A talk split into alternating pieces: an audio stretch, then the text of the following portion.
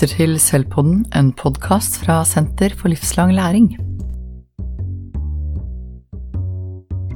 Hei, velkommen til eh, Selvpodden. Eh, jeg heter Kjersti Løken Ødegaard, og i dag har jeg med meg kollegaer Katinka Blikkfeldt og Alona Laski, som eh, skal snakke litt om dette med å innlede nye partnerskap med skoler.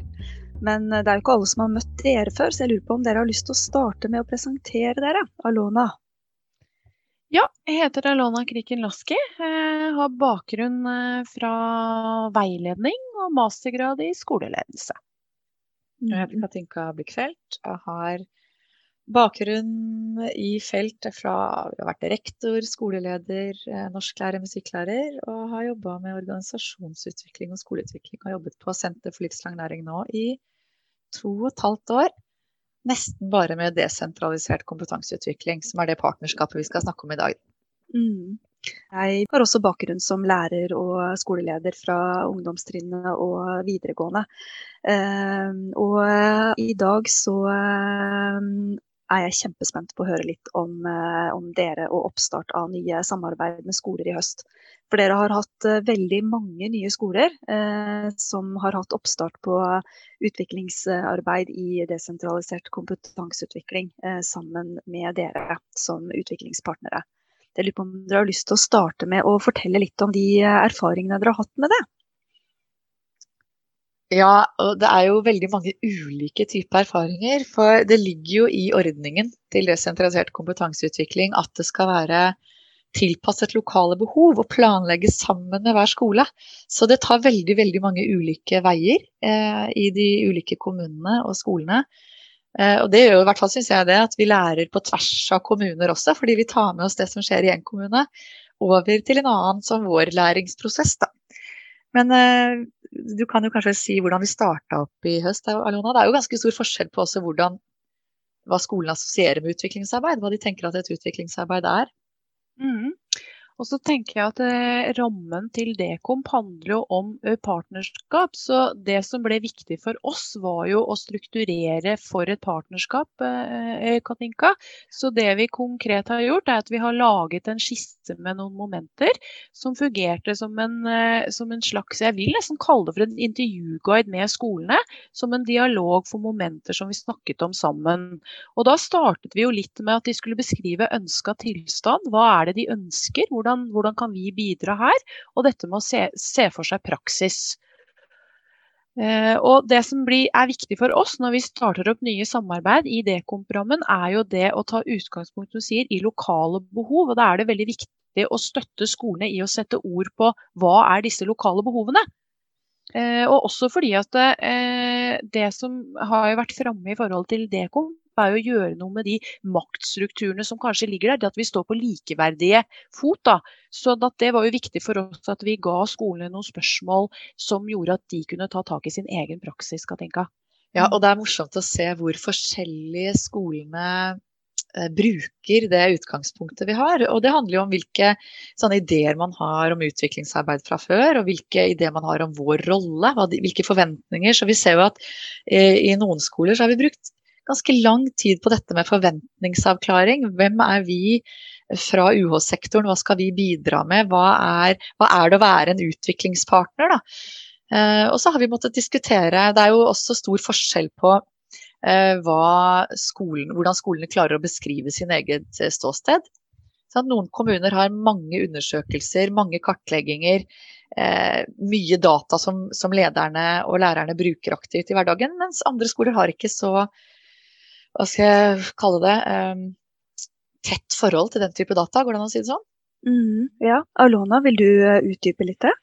Ja, og så tror jeg Katinka og Kjersti, det handler litt om å få skolene til å avgrense seg. Altså, Man er jo veldig ambisiøs og vil mye på en gang. Så et moment i den skissa vår handler jo litt om det med milepæler. Å velge seg ut noe, det å avgrense. For det vi ofte ser eh, vi kommer ut, og det er jo etter beste intensjon og vilje, men at det er veldig mye da på en gang. Så det vi også jobber litt med sammen med skolene, er jo å avgrense fokus for uh, utviklingsarbeid. Vi har jo snakket litt om at man kan ikke se på alt på en gang, men det å få de til å prioritere å velge noe dette skoleåret. Eh, og så har vi jo et, et, eh, et, et, perspektiv som er her og nå, men også et perspektiv som er frem i tid. Mm. Ja, Vi starter alltid med frem i tid, og så er det klart at det er mange erfaringer fra skolene på utviklingsprosjekter som har vært avgrenset. Så det å skjønne at dette her er en prosess som vi skal følge over lang tid Det er ikke sånn at vi er ferdig til sommeren, men vi skal holde på i noen år. Og bruke nok tid til både å forankre Eh, i, ha med hele personalet og av, bruke tid på å avdekke behovet, så opplever jeg at det er utviklingsarbeid i seg selv. Det at vi bruker tid på de prosessene og Vi har snakket mye om det å metakommunisere, da. Men det å få tak i hva som skjer på skolen og hva som er det viktigste akkurat nå, og hvordan de ser for seg fram i tid. Altså, vi starter da med ønska tilstand rundt ett område. Og det er der vi må avgrense hvis vi skal klare å følge det, følge det litt sånn systematisk, da. For jo, vi møter jo noen skoler som som egentlig går rett på tiltak, og som ønsker at vi skal komme inn og ha foredrag om det og det og det, for dette har de bestemt. på en måte, Og det er de også vant til, kanskje, fra eksterne. At de kommer inn og leverer, leverer noe faglig og går igjen. Så vi har også diskutert liksom, hva er faglige bidrag. For det er klart vi kan komme inn og ha faglig påfyll i en fellesøkt, men vi ønsker jo da at det skal være i sammenheng med dit de ønsker på lang sikt og nå, og at det skal være forankra, og at de skal vite litt hvor de står opp mot det. Så ikke det blir sånne stunt, da. For det opplever vi vel at det fort kan bli litt sånne stunt når vi er inne. Eller det er det vi vil unngå. Ja. Mm. Og for at ikke det skal bli stunt, så har vi jo et moment som handler om å sette i gang læringsaksjoner på den enkelte skolen. ikke sant? Nettopp det at de skal ta tak i sin egen praksis. Og så handler det jo om, som du sier, at, at det jeg opplever at mange erfarer, da, er at det å tenke systematisk, og ikke minst den bevissthet på hvordan man bruker møter, og hvordan lærere deler noen erfaring. Så et av, de, et av, de, momentene vi jobber en del med, er jo det å ta tak i hverdagspraksisen og se hvordan kan den bringes inn til et tolkningsfellesskap. Og Der er vi inspirert av Tom Tiller bl.a. Med aksjonsforskning på sin egen praksis. Så vi, vi, vi, prøver egentlig Jeg tenker at vår rolle er å være et støttende stillas i forhold til skoleledere og lærere for å drive sin egen utviklingsprosess. Mm. Det er veldig, veldig spennende å høre refleksjonen deres rundt uh, disse innledende, det innledende arbeidet med, med, skoler. Jeg hører jo at dere er uh, veldig opptatt av dette med forankring, uh, og helst så nærme klasserommet som mulig. Og så løfta du fram dette her med, med, maktforhold og roller innledningsvis, Alona. Og litt om dette med å få skolene til å, å skissere eller beskrive Eh, hvor det er de ønsker å være eh, litt, eh, litt fram i tid. Jeg lurer på om dere har lyst til å si noe mer om dette med liksom definering av roller og sånn innledningsvis?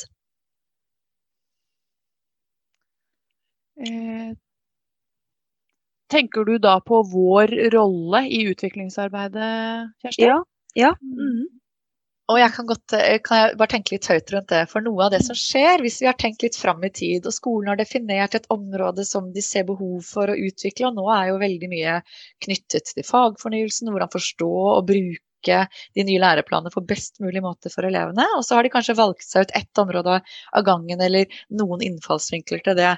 Men så kan det jo hende da, når vi går inn og ser på å jobbe systematisk med de rammene våre, og de, vi, vi, er inne i ståstedanalysen f.eks., så kan, kan, det jo komme fram at skolen egentlig ikke er helt klar for å drive profesjonsutvikling, og at det er ganske mange forutsetninger som de må jobbe mer med. Og da jobber vi jo plutselig med noe annet enn de kanskje forventet at vi skulle gjøre. Som Alona nevnte, lærende møter, dette med læringsaksjoner. For vi etterspør jo hvordan er møteplassene deres i dag for å få skjønne litt skolen. Hvordan er de arenaene dere har for profesjonsutvikling? Og da opplever vi jo at vi møter veldig ulike kulturer. Og noen steder så tenker vi at her bør kanskje kulturen utfordres litt, sånn at vi er i stand til å lære sammen. At vi må gå noen veier først, kanskje avlære noe, eller videreutvikle noe de er i gang med, eller bygge på noe de har erfaring fra fra før. Så det å lete etter eh, hva, hva, trenger denne skolen, eller hva er riggen på denne skolen, da, for å se hvordan kan vi da komme inn. Og det er nok for, for noen skoler litt sånn overraskende, for de trodde vi skulle jobbe med fagfornyelsen. Og så begynner vi å snakke om møtene deres, hvordan de bruker det tirsdagstid. Mm. Eh, og da opplever jo vi at det å ha en god runde på det, så vil eh, tema fagfornyelsen, da, når det kommer, eller det er kanskje samtidig, så vil det ha en helt annen effekt, eh, de faglige inputene vi har, da, hvis vi har noen sånne faglige økter når det er vi på en måte har beredt grunnen. Og her er jo skolene ekstremt forskjellige, ikke sant. Og Det er spennende også med tanke på det dere sa i stad om at uh, en må prioritere noe. Altså En kan ikke jobbe like mye med alt uh, hele tida. Alona, vil du utdype litt?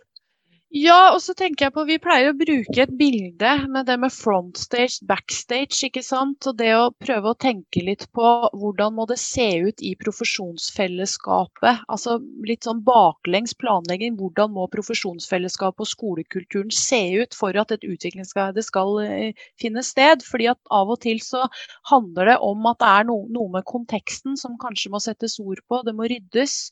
Uh, og dette med, med forventninger f.eks. For også. Eh, hvis personalet har veldig ulike forventninger til den tematikken eh, som de ser for seg utviklingsarbeid på, så må det kanskje foregå noen, noen, samtaler rundt det. Så det er egentlig veldig spennende dette å tenke på alle de momentene og komponentene som bidrar til et utviklingsarbeid. Og noen ganger så er det ikke nødvendigvis tematikken, men det er strukturen som tematikken skal foregå i.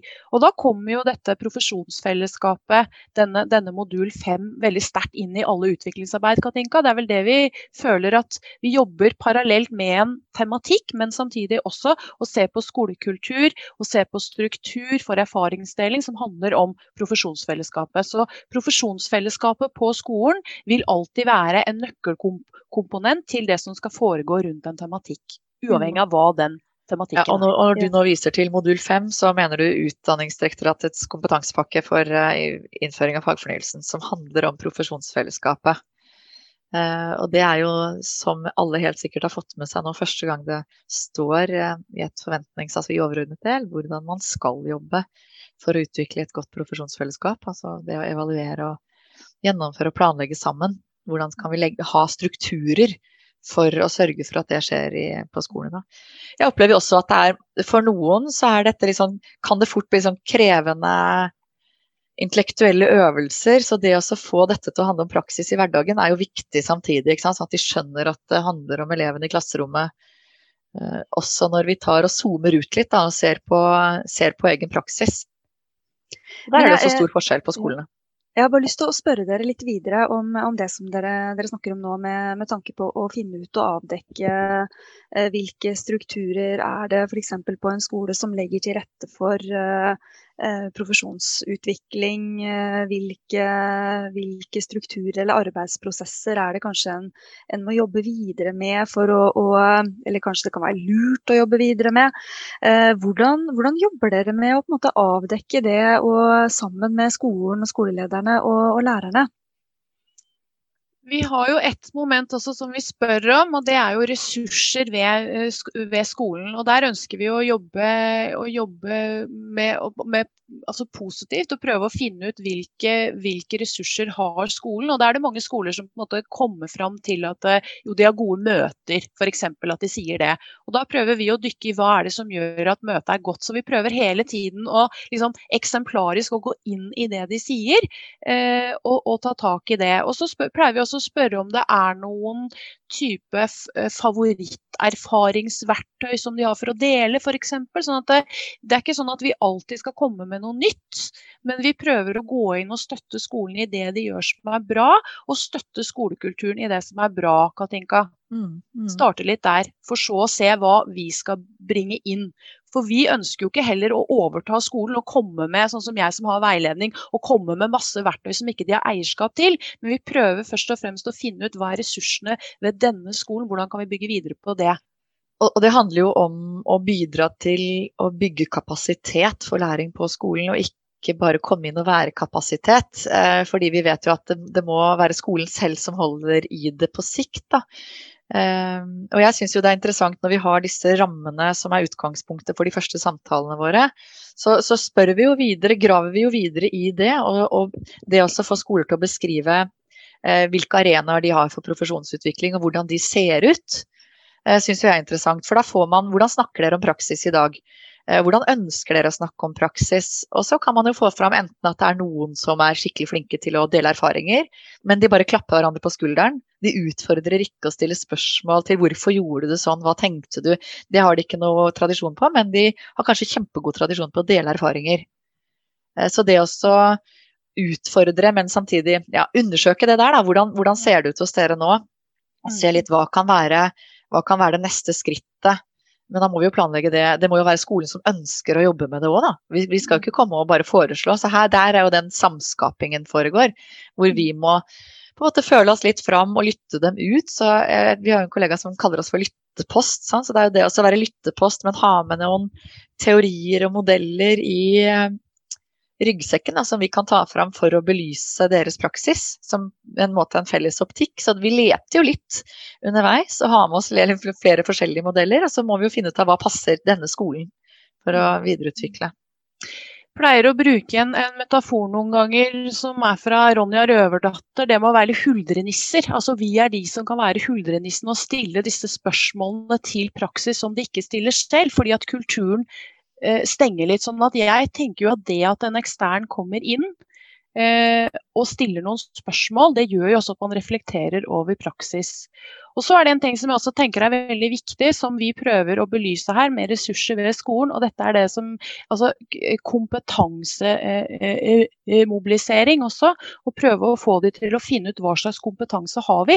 Som man kanskje ofte ikke gjør da i på en måte hverdagen, men som man blir tvunget til når man skal ha et utviklingsarbeid. Det å få med alle på laget. Altså hva slags kompetanse og ressurser har vi i vår egen organisasjon, og hvordan kan det brukes mer systematisk. Så jeg opplever jo også at det at noen kommer inn og stiller noen spørsmål, Katinka, mm. gjør jo at man begynner å bli mer lærende av det i seg selv. Ikke sant. Ja. Eh, og jeg syns jo noe av det jeg har eh, hatt som en sånn egenlæringsaksjon i høst, har jo vært å prøve å eh, bruke den speilingsmetoden enda mer. Da. Eller ikke både speile at jeg prøver å speile det jeg har hørt, men så har jeg også eh, prøvd å avslutte alle samtaler jeg har med hva hørte dere at jeg eh, lyttet ut? Og det er veldig interessant. Så i en plangruppe f.eks. Ja, hva hørte dere at jeg sa nå? Og så tar vi en runde rundt bordet. Og så hørte de så enormt mye forskjellig. Og det er jo hverdagen på den skolen.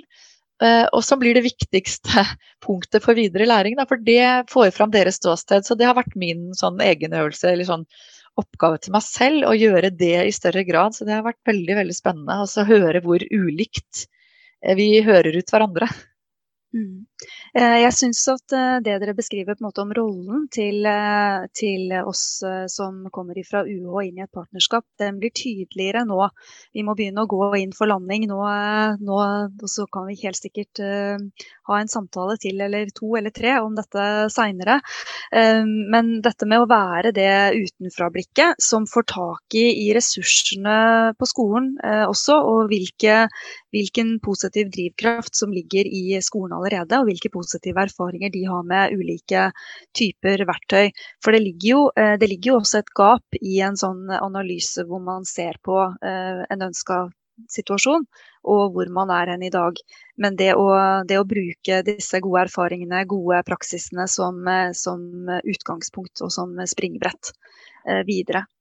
Jeg håper at vi kan ha flere samtaler om dette her, gjerne i podkastform. Eh, og så ønsker jeg dere lykke til eh, videre med partnerskapene dere er inne i. Takk for praten. Tusen, tusen takk. Eh, jeg håper jo at vi kan ta med neste gang dette her med hvordan bruke refleksjonslogger videre. For nå har vi jo kommet i gang på alle skolene, så det blir neste mm. skritt. Er du ikke mm. enig, Alona? Jo, og så har jeg veldig lyst til å si sånn avslutningsvis at for meg så handler dette veldig mye om samtaler, det å skape tillit. da, Og det å, ha, og det å gå inn i en samtale, ha noen momenter som man står på like fot. For vi sender jo ut disse momentene til skolen også i forkant. Sånn at vi beholder dette partnerskapet, sånn at de vet hva vi skal snakke om, kan forberede seg på det. Så Det er også viktig å si i forhold til å utlinje noen maktstrukturer, at vi tenker at det er, det er, forutsigbart hva vi kommer inn i i den første samtalen. Som mm. en slags momenter for, for dialog, som grunnlag for et partnerskap. Mm. Og det bidrar jo også til, til større grad av, av, transparens i det, gjennomsiktighet i det samarbeidet. Flott. Takk for praten. Takk for praten. Takk for praten.